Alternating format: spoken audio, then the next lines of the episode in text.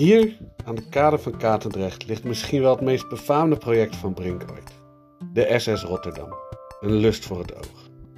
De wateren zijn nu rustig, maar tijdens dit project was dat zeker niet het geval. Ik sprak Hans Schoondemark over dit project. Een verhaal met chaos, muiterij, bravoure en uiteindelijk een succes voor Brink waar boeken over geschreven zijn. Mijn naam is Hans Schoudermark ehm, en in 2007, toen we met dit project begonnen, werkzaam als senior projectmanager. Nog steeds trouwens. De meesten zullen mij wel kennen, want ik werk er al 30 jaar. En voor dit project ben ik eind 2007, vlak voor de kerst, gevraagd door, voor de functie als general manager voor de site in Willemshaven. Door uh, toenmalig directeur Paul Beiersbergen, um, inmiddels helaas overleden. Um, Waarschijnlijk ben ik gevraagd omdat ik ervaring had met IKEA-projecten, waar Brink als hoofdaannemer fungeerde en het werk in uh, meerdere percelen werd onderverdeeld. Nou, daar leek die aanpak voor die boot ook op. En ik kan alleen maar verzinnen dat dat de reden is waarom dat Paul mij heeft gevraagd. En wij moesten als Brink die onderdelen weer op elkaar afstemmen en zorgen dat uh, alles naadloos in elkaar overliep. En dat was volgens mij uh, de opgave. Erwin Verkooyen, die was al betrokken als general manager voor de site in Rotterdam. En gezamenlijk mochten wij die kar uh, gaan trekken. Paul die vroeg nog, joh, kun je even wat meeschrijven? Dan uh, praat ik je even bij. Uh, 13 gele post-it memovelletjes verder had ik een idee van de omvang en complexiteit van het project. Ik mocht er twee dagen over nadenken. Kerstreces van 2007. En uh, ik moest dan maar even laten weten of dat ik meeging naar de eerste kennismaking 2 januari in Willemshaven. Waar ik om half tien zou worden verwacht voor een kennismaking, als ik het zou doen, met de opdrachtgever voor het project. Nou, zo'n kans krijg je maar één keer en na thuis wat afgestemd te hebben, ben ik op 2 januari vroeg in de ochtend naar Willemshaven gereden. Een keer op tijd te komen. En om te zien of dat het wat voor mij zou zijn, die klus. Kijk, ik kon geen kwaad, dacht ik toen nog. Ik moest even wachten, want ik was voor die ene keer te vroeg op de afspraak. En stond moederziel alleen, geparkeerd op een koud en van God verlaten parkeerterrein in Noord-Duitsland. Om uit te kijken over een, enorme roestbak.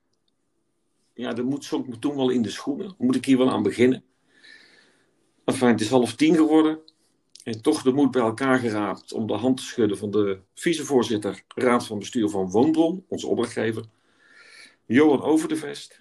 En uh, bij de ontmoeting zei hij zo, jij komt het hier regelen. Ik zei, nou, kom even kennis maken. Nee, zei hij, jij gaat het hier regelen. Nou, hij liet me nog even wachten. Heeft me vervolgens een 3,5 uur rondgeleid over dat schip. En langzaam zag je wel in, joh, dit is een once in a lifetime. Wat een geweldig project waren mijn woorden. Uh, aan het eind van zijn tour. Het is één groot kutproject, Hans. Het enige goede wat nu nog kan gebeuren, is dat die marineschuit die hiernaast ligt, zijn kanonnen richt net onder de waterlijn, de salvo afvoert en dan zijn wij van dat ding af. Dat was mijn eerste kennismaking met dit project. Nou, wat voor type project het is, dat kun je, als je ervoor staat, in één, in, in één klap zien. Het, uh, het laatst in Nederland gebouwde stoomschip SS Rotterdam in 1959 te water gelaten als vlaggenschip van de Holland-Amerika-lijn. En ongeveer tien jaar ingezet als uh, lijnschip om de verbinding tussen Rotterdam en New York mogelijk te maken. Het is later, later ingezet als een cruiseboot en uh, bijna in stille dood gestorven ergens op een eiland in, de, in het Caribisch gebied. Um, vervolgens heeft de stichting uh, behoud het stoomschip de SS Rotterdam zich ingezet om dit schip te redden van de ondergang. En heeft na wat omzwervingen de rijke woningcorporatie Woonbron bereid gevonden zich in te spannen om dit schip te redden van de ondergang. Het schip lag toen, en dan praat ik over 2005 of 2006, inmiddels in de haven van Cadiz, waar Joep van de Nieuwenhuizen, de bedrijvendokter, als redder van de RDM het schip naar toe had verplaatst. Waarschijnlijk in de hoop dat het onderweg zou, zou zinken en hij de verzekeringspremie kon opstrijken. Er zat immers nogal wat uh, kunst aan boord en uh, uh, het was voor een redelijk bedrag verzekerd. Woonbron, die kapitaalkrachtige woningcorporatie, toen nog verantwoordelijk voor het verbeteren van de leefomgeving en niet alleen sociale huizen, streek over het hart, investeerde 30 miljoen voor de renovatie om Katendrecht een impuls te geven. Dat was het begin van het traject. Hoe anders is het allemaal gelopen? Maar het eindresultaat, dus wat is het, kun je zien. Voor jullie ligt een drijvend gebouw in de vorm van een schip, verankerd aan palen. En het schip biedt plaats aan 248 eh, hotelkamers, twee restaurants, 20 boardrooms, 75 kantoorunits, een auditorium, vijf historische feestzalen, een museum, een zwembad en uiteindelijk het mooiste terras van heel Rotterdam. Ja, de waarom van dit project, waarom is dit gerealiseerd? Dat is eigenlijk een hele goede vraag. Geen idee. Wat heeft Woonbron bewogen tot het aangaan van deze klus? Het paste zeker niet in de vastgoedontwikkeling en strategie van Woonbron, maar waarschijnlijk uh, heeft Woonbron zich laten overtuigen door de mensen van die stichting Behoud de SS Rotterdam en is meegegaan, ik denk als jongensdroom, met de verleiding om dit vlaggenschip en symbool voor de wederopstanding van de stad Rotterdam, maar ook voor heel Nederland, in zijn geheel te behouden. Toen echter bleek dat de Nederlandse staat, de provincie en de regio, op welke manier dan ook eerder betrokken was, maar afhaakte bij dit project, um, ja, is Woonbron in beeld geraakt en hebben ze ja gezegd tegen deze klus. En Woonbron heeft daarvoor een sociale aanpak voorgesteld met een wonen, werken, leren omgeving. En was bereid om een klein deel aan te pakken, dit te exploiteren en vervolgens met het verdiende geld de rest aan te pakken. Ze hadden daarvoor partners gevonden die delen van het schip konden exploiteren, zoals jaarbeurs voor de feestzalen en auditorium, Hoscom voor de exploitatie van het hotel en restaurants en het Albeda College voor het verzorgen van die leeromgeving om dit klusje met wat leerlingen op te gaan pakken. Vervolgens heeft Woonbron een organisatie opgezet, als vaker gedaan voor grootschalig onderhoud, uh, van seriematige woningbouw.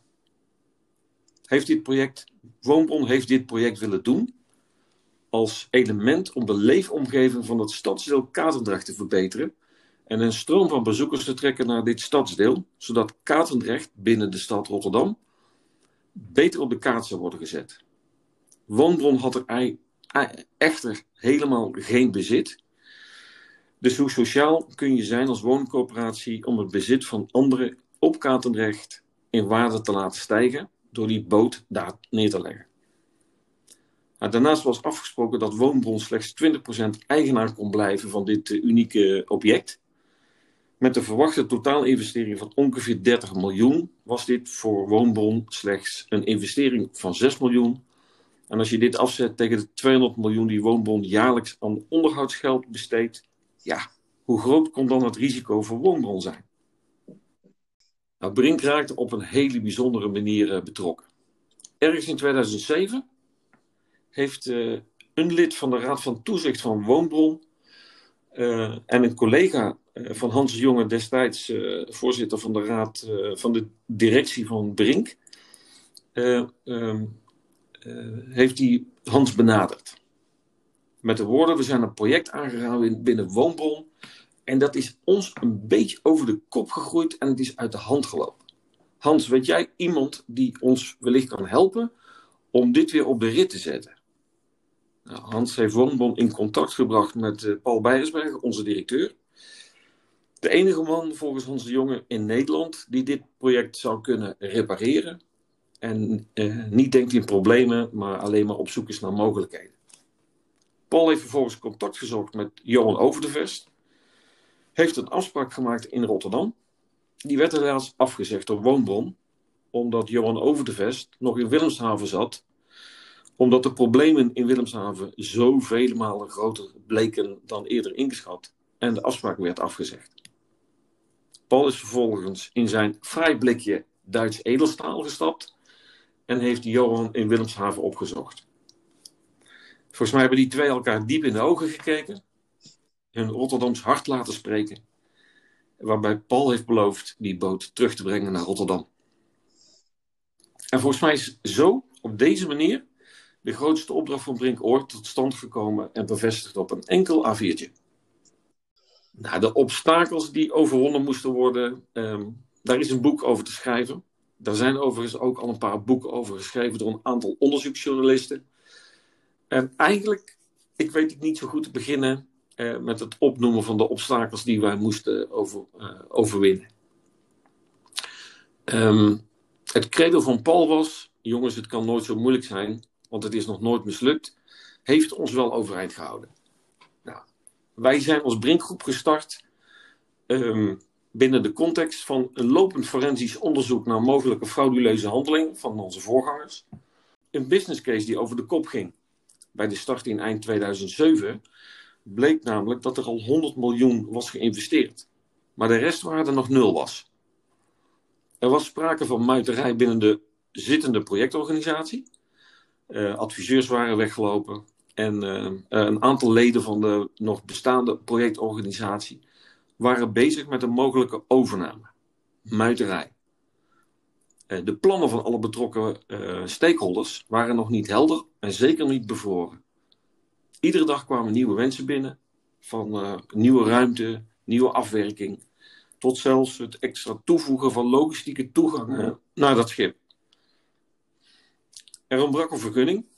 De stad Rotterdam was bevoegd gezag, maar een vergunning was nog nooit aangevraagd, waardoor het vertrouwen in een goede afloop ontbrak. Na alle lopende contracten die wij eind 2007 uh, eh, hadden doorgenomen, bleken een opleverdatum van september 2007 te hebben en men was in de regie maar verder gegaan om door te pakken. Vervolgens hadden we nog wat risico's van juridische claims van verschillende partijen. Er was een oncontroleerbare asbestsanering aan boord gaande. Um, er was geen sprake van coördinatie tussen alle partijen die aan boord van het schip bezig waren. En er was onduidelijkheid over wet en regelgeving. Um, welke moesten we nu volgen? Want jullie zien een drijvend gebouw liggen, maar het heeft verdacht veel de vorm van een schip. En welke regelgeving moet je nu volgen? Scheepsregelgeving of gebouwregelgeving? Wat dit project heeft opgeleverd, je ziet het, een fantastisch project voor de stad Rotterdam, voor Woonbron, maar ook voor Brink. En een enorme ervaring voor iedereen die eraan heeft meegewerkt. En uiteindelijk heeft het een langdurige relatie met Woonbron opgeleverd. Daar kan ik kort over zijn. Nou, de cruciale rol in het uh, succes van het project, Brink heeft echt alles aangepakt. Brink heeft met de teams in zowel Rotterdam als Willemshaven een, wat mij betreft, unieke prestatie geleverd. Alle, allereerst moest het vertrouwen worden teruggewonnen in het project en dat het afgemaakt kon worden en het schip terug zou keren naar Rotterdam. Brink heeft een nieuwe business case opgezet en aangetoond dat met een beetje uh, extra geld er geld te verdienen zou zijn aan boord van dit schip. We zijn ook begonnen de projectorganisatie nieuw leven in te blazen. Uh, het beste wat er uh, gedaan kon worden was project stilleggen en op zoek gaan naar een nieuwe projectorganisatie. Helaas was dat geen optie vanwege allerlei lopende verplichtingen. Dus we moesten door op de bestaande weg. We hebben vervolgens alle plannen van alle stakeholders bevroren en afgehecht in een spacebook. Dat was de Bijbel waarlangs uh, uh, de verbouwing van het schip heeft plaatsgevonden. Eindelijk was er duidelijkheid wat er gebouwd moest worden. En er is overleg gevoerd over de vergunning. En samen met de gemeente Rotterdam is een proces ingevuld om van een stalen schip van deze omvang om te bouwen naar een passend gebouw binnen de eisen van het bouwbesluit. De stad Rotterdam zei wel: wij hebben hier geen ervaring mee. Dit hebben we nog nooit gedaan. En bij twijfel willen wij een onafhankelijk onderzoeksbureau TNO Effectus inschakelen om aan te tonen dat het wel of niet zou kunnen. Uiteindelijk heeft dat geresulteerd in meerdere inspecties per week van een team van inspecteurs van de, van de gemeente. En we hebben meer dan 130 unieke brandproeven van materialen en toe te passen details uit laten voeren. Immers, dat hele schip is van staal. Stalen vloer, stalen wanden, stalen plafonds. En er is helemaal niets getest binnen die omgeving. Brink heeft die asbestsanering zo goed als mogelijk onder controle gekregen, waardoor er in augustus 2008 de mogelijkheid was dat de brood terug kon varen naar Rotterdam. Met 100.000 toeschouwers op de kade. Uiteindelijk was toen het vertrouwen terug in het project en was het geloof aanwezig, aanwezig dat het wel eens zou kunnen gaan lukken. Uiteindelijk heeft het nog anderhalf jaar geduurd voordat het schip openging, met allerlei rechtszaken, partijen die zich terugtrokken, materialen die bleken te ontbreken, steeds meer eisen vanuit de cultuurhistorische bewaking, vanuit de stichting Behoud de SS Rotterdam kwamen voorbij, en het definitief afmeren aan sputpalen op 20 meter van de kade. Nou, Brink heeft uiteindelijk als hoofdaannemer met nieuwe interieurbouwers en installateurs het schip afgebouwd binnen de regels van de vergunning, binnen de procedures van de asbestprotocollen en binnen de regels van het bouwbesluit. Met een opeenstapeling van echt alle mogelijke veiligheidseisen die er bestaan. Een knap stukje werk door Brink. Er zijn zoveel smeuïge anekdotes te vertellen ehm, over, dit, uh, over dit project, over dit schip. Ehm, ehm, maar wellicht uh, de term die uh, we bij de uiteindelijke afvaart met elkaar hebben afgesproken, wil ik jullie niet onthouden. Ik probeer even de context te schetsen. Er was een noodzaak dat, er, dat het schip weg moest uit Duitsland vanwege allerlei oneerbare zaken en fraude. Er waren verdenkingen van maffiapraktijken. We moesten weg uit Duitsland. Het schip was inmiddels voor 150 miljoen verbouwd. En um, de terugtocht naar Rotterdam mocht plaatsvinden met een windkracht van maximaal windkracht 3. Dat is ongeveer als het windstil is. Wij moesten toestemming verkrijgen van Lloyds, want dit schip was voor 150 miljoen verzekerd.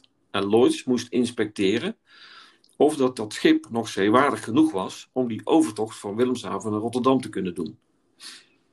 Nou, op maandag heeft Lloyds het schip uh, gecontroleerd. En wij wisten bij God niet als Brink waar, uh, waar ze op gingen letten.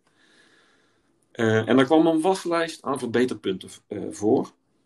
Met twee teksten. Jongens, stel het drie weken uit. Want dit gaat niet lukken. Maar stel dat jullie van mening zijn dat jullie wel voor elkaar krijgen. Je mag mij 24 uur per dag bellen voor vervolginspecties. En we plannen dat, het, dat ik vrijdag voor het laatst, sorry, donderdag voor het laatst terugkom. Nou, iedereen heeft ons voor gek verklaard, maar er is keihard gewerkt om al die tekortkomingen voor elkaar te krijgen. Um, en uiteindelijk bleek bij de controle op donderdag, vier, vijf dagen later, dat het gefixt was.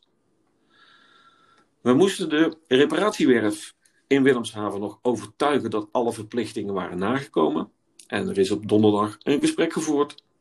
We hebben geen addertjes meer onder het gras. Alle verplichtingen zijn ingevuld. We hebben overvol betaald. We zijn het eens. We hadden een vrijwaring op papier dat die, dat die boot daar weg kon. En we Verkooy had in Nederland op het allerlaatste moment op donderdagnacht geregeld met de Nederlandse overheid dat ook alle papieren met de asbest aan boord geregeld waren. Dus donderdagnacht kwam er groen licht dat de boot naar Rotterdam mocht. Alles geregeld. Dat was voor ons de tijd voor het vieren van een klein feestje. Op vrijdagochtend hebben we ons gepermitteerd om een half uurtje later uit te slapen. Dus om half acht zaten we weer op kantoor. En daar had de reparatuurwerf toch nog iets gevonden wat opgelost moest worden. Nou, vrijdag in Reparoer, advocaat, ingeschakeld, reparatuurwerf um, uh, uh, benaderd. De eigenaar die op een zeilschip in uh, Zweden rondzwierf is benaderd. Advocaten hebben uiteindelijk geregeld, geregeld, dat de boot op het laatste moment niet aan de ketting werd gelegd, maar dat we ook weer vrij konden. We mochten gaan. we hadden in die week de directeuren van Woonbron en Paul Bijgersbergen uh, moeten laten weten: jongens, gaan we het redden? Want uh, wij mogen de overtocht meemaken aan boord van het schip. Uh, samen met de bemanning gaan wij aan boord. Nou, het is tot en met donderdagnacht onduidelijk geweest of dat we dat voor elkaar gingen krijgen. Maar het vliegtuig ging iets eerder. En de auto moest vrijdagochtend naar Willemshaven komen, waarin de twee directeuren zaten wij hebben de gok genomen, kom maar naar Willemshaven. Dat is gelukt. Alle papieren die nodig waren om eh, het schip in Rotterdam binnen te uh, varen, hadden we geregeld. Met uh, in beton gegoten, verzegeld, in een koffertje gedaan. En in de auto gezet, waarbij de twee heren op zaterdagochtend aan boord van het schip gereden zouden worden. Die vrijdagavond is echter een feestje gevierd, wat zijn weerga denk ik niet kent. En bleek dat die mannen in de auto zaterdagochtend om half negen aan boord moesten zijn, zodat het schip weg kon gaan. Nou, dat was een hele heisa om die mannen aan boord te krijgen. Het schip lag aan de haven. Het vertrok. Het ging de haven uit. De zeesluis in. Vervolgens hadden we het net opgeknapte schip. Dat uh, botste nog even tegen de eerste de beste paal die bij die zeesluis uh, zat. Dus we hadden gelijk een beschadiging te pakken. Maar in die sluis riepen die twee directeuren: Jongens, waar is die koffer met papieren die nodig is om de stad Rotterdam binnen te varen? Ja, die staat bij jullie in de auto. Ja, waar is de auto? Die staat nog op een paar honderd meter verderop. Dus hals over kop, het koffertje opgehaald, uit de auto gehaald. Maar dat duurde natuurlijk net iets langer dan uh, gepland. En het schip werd door de sluis getrokken en uh, werd naar open water getrokken. En toen was de kapitein van mening: ja, we gaan nu geen halsbrekende toeren meer uithalen. Dat koffertje, zie maar hoe je het hier krijgt, maar niet meer nu. Daar stonden we. Met alle papieren die nodig waren. Hoe krijg je die weer aan boord? Nou, uiteindelijk hebben we geregeld dat we met de loods in Rotterdam buitengaats het schip hebben opgezocht en het koffertje aan boord van het schip hebben gegooid zodat het bootje met de juiste papieren de uh, mooie tocht in Rotterdam uit kon voeren.